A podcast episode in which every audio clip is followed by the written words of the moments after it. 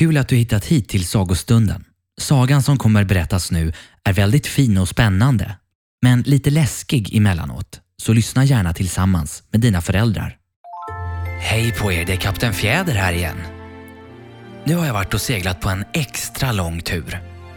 Och igår så mötte jag två bröder som kallade sig för Bröderna Grimm. De fyllde i vår sagobok med en fantastisk berättelse om sju små killingar och en varg.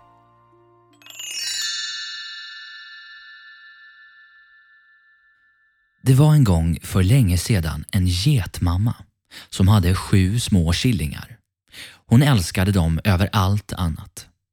En dag så skulle hon gå in i skogen för att hämta lite mat så hon kallade alla sju barnen till sig och sa Kära barn, jag måste gå till skogen. Var försiktiga och akta er för vargen. Om han kommer hit så slukar han er med hull och hår. Han kommer att vara utklädd men ni kommer att känna igen honom på hans mörka röst och svarta fötter. Killingarna svarade Kära mamma, vi kommer att klara oss bra. Du behöver inte oroa dig för oss. Då bräkte den gamla getmamman lättad och gick iväg till skogen utan att oroa sig. Det dröjde inte en lång stund innan någon knackade på dörren och ropade Öppna dörren, kära barn! Er mor är här och har med sig något till er alla. Men de små killingarna förstod att det inte var deras mor utan att det var vargen. Det hördes på den mörka rösten. Vi kommer inte att öppna dörren, ropade killingen. Du är inte våran mamma. Hon har en mjuk och behaglig röst. Din röst är mörk och skrovlig. Du är vargen. Vargen gick då iväg till en handlare och köpte sig en stor bit krita som han åt upp för att göra rösten ljusare. Han gick sedan tillbaka till killingarnas hus, knackade på dörren och ropade. Öppna dörren, kära barn, er mor är här och har med sig något till er alla. Men han hade lagt en av sina svarta tassar på fönstret och det såg killingarna och ropade. Vi kommer inte att öppna dörren. Vår mor har inte svarta fötter som du har. Du är vargen. Vargen gick då till bagaren och sa Jag har skadat mina fötter. Du kan väl lägga på lite deg på dem. Sedan gick han vidare till mjölnaren och sa Strö lite vitt mjöl på mina fötter.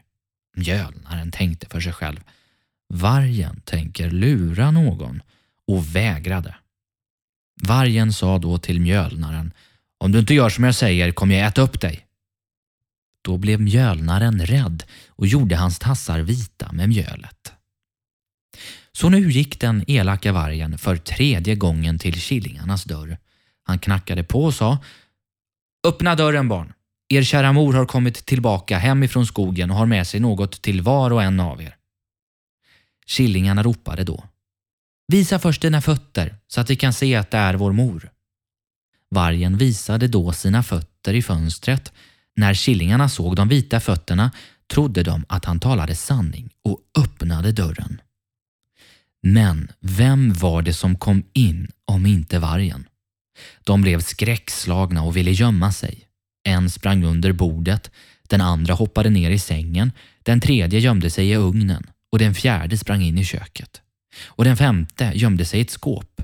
Den sjätte la sig under tvättfatet och den sjunde gömde sig i det stora golvuret. Vargen hittade dem dock och visade ingen barmhärtighet utan slukade den ena killingen efter den andra. Den yngsta som gömt sig i klockan var den enda killingen som vargen inte hittade.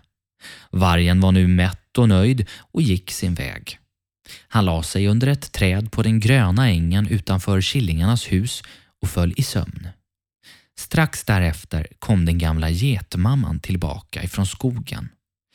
Ack vilken syn som mötte henne. Ytterdörren stod vidöppen, bord, stolar och bänkar hade rivits omkull, tvättfatet hade slagits sönder, täcken och kuddar hade kastats ur sängarna. Hon letade efter sina barn men hittade dem ingenstans. Hon ropade deras namn men ingen svarade förrän hon ropade den yngsta killingens namn. Då sa en späd röst gråtande. Kära mamma, jag är inuti golvuret. Hon tog ut den lilla killingen som då berättade att vargen hade kommit dit och ätit upp alla de andra. Du kan tänka dig som hon grät över de stackars barnen. Hon gick gråtande ut ur huset och den lilla killingen sprang efter henne. När de kom ut på ängen såg de vargen ligga snarkande under ett träd.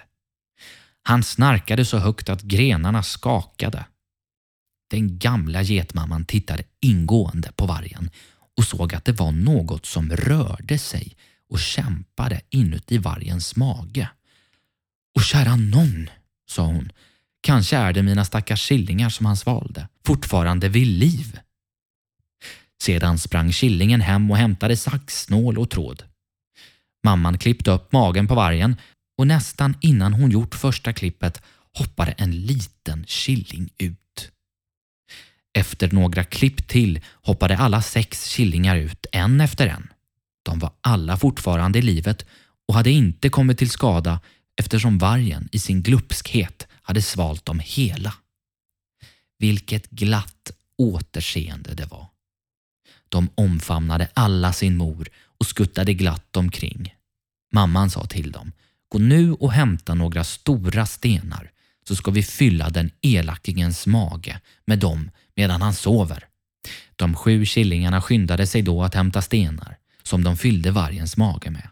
Mamman sydde sedan ihop honom igen så fort att han inte märkte något utan fortsatte att sova. Sedan gick de lyckliga hem och visste att de inte längre behövde vara rädda för vargen.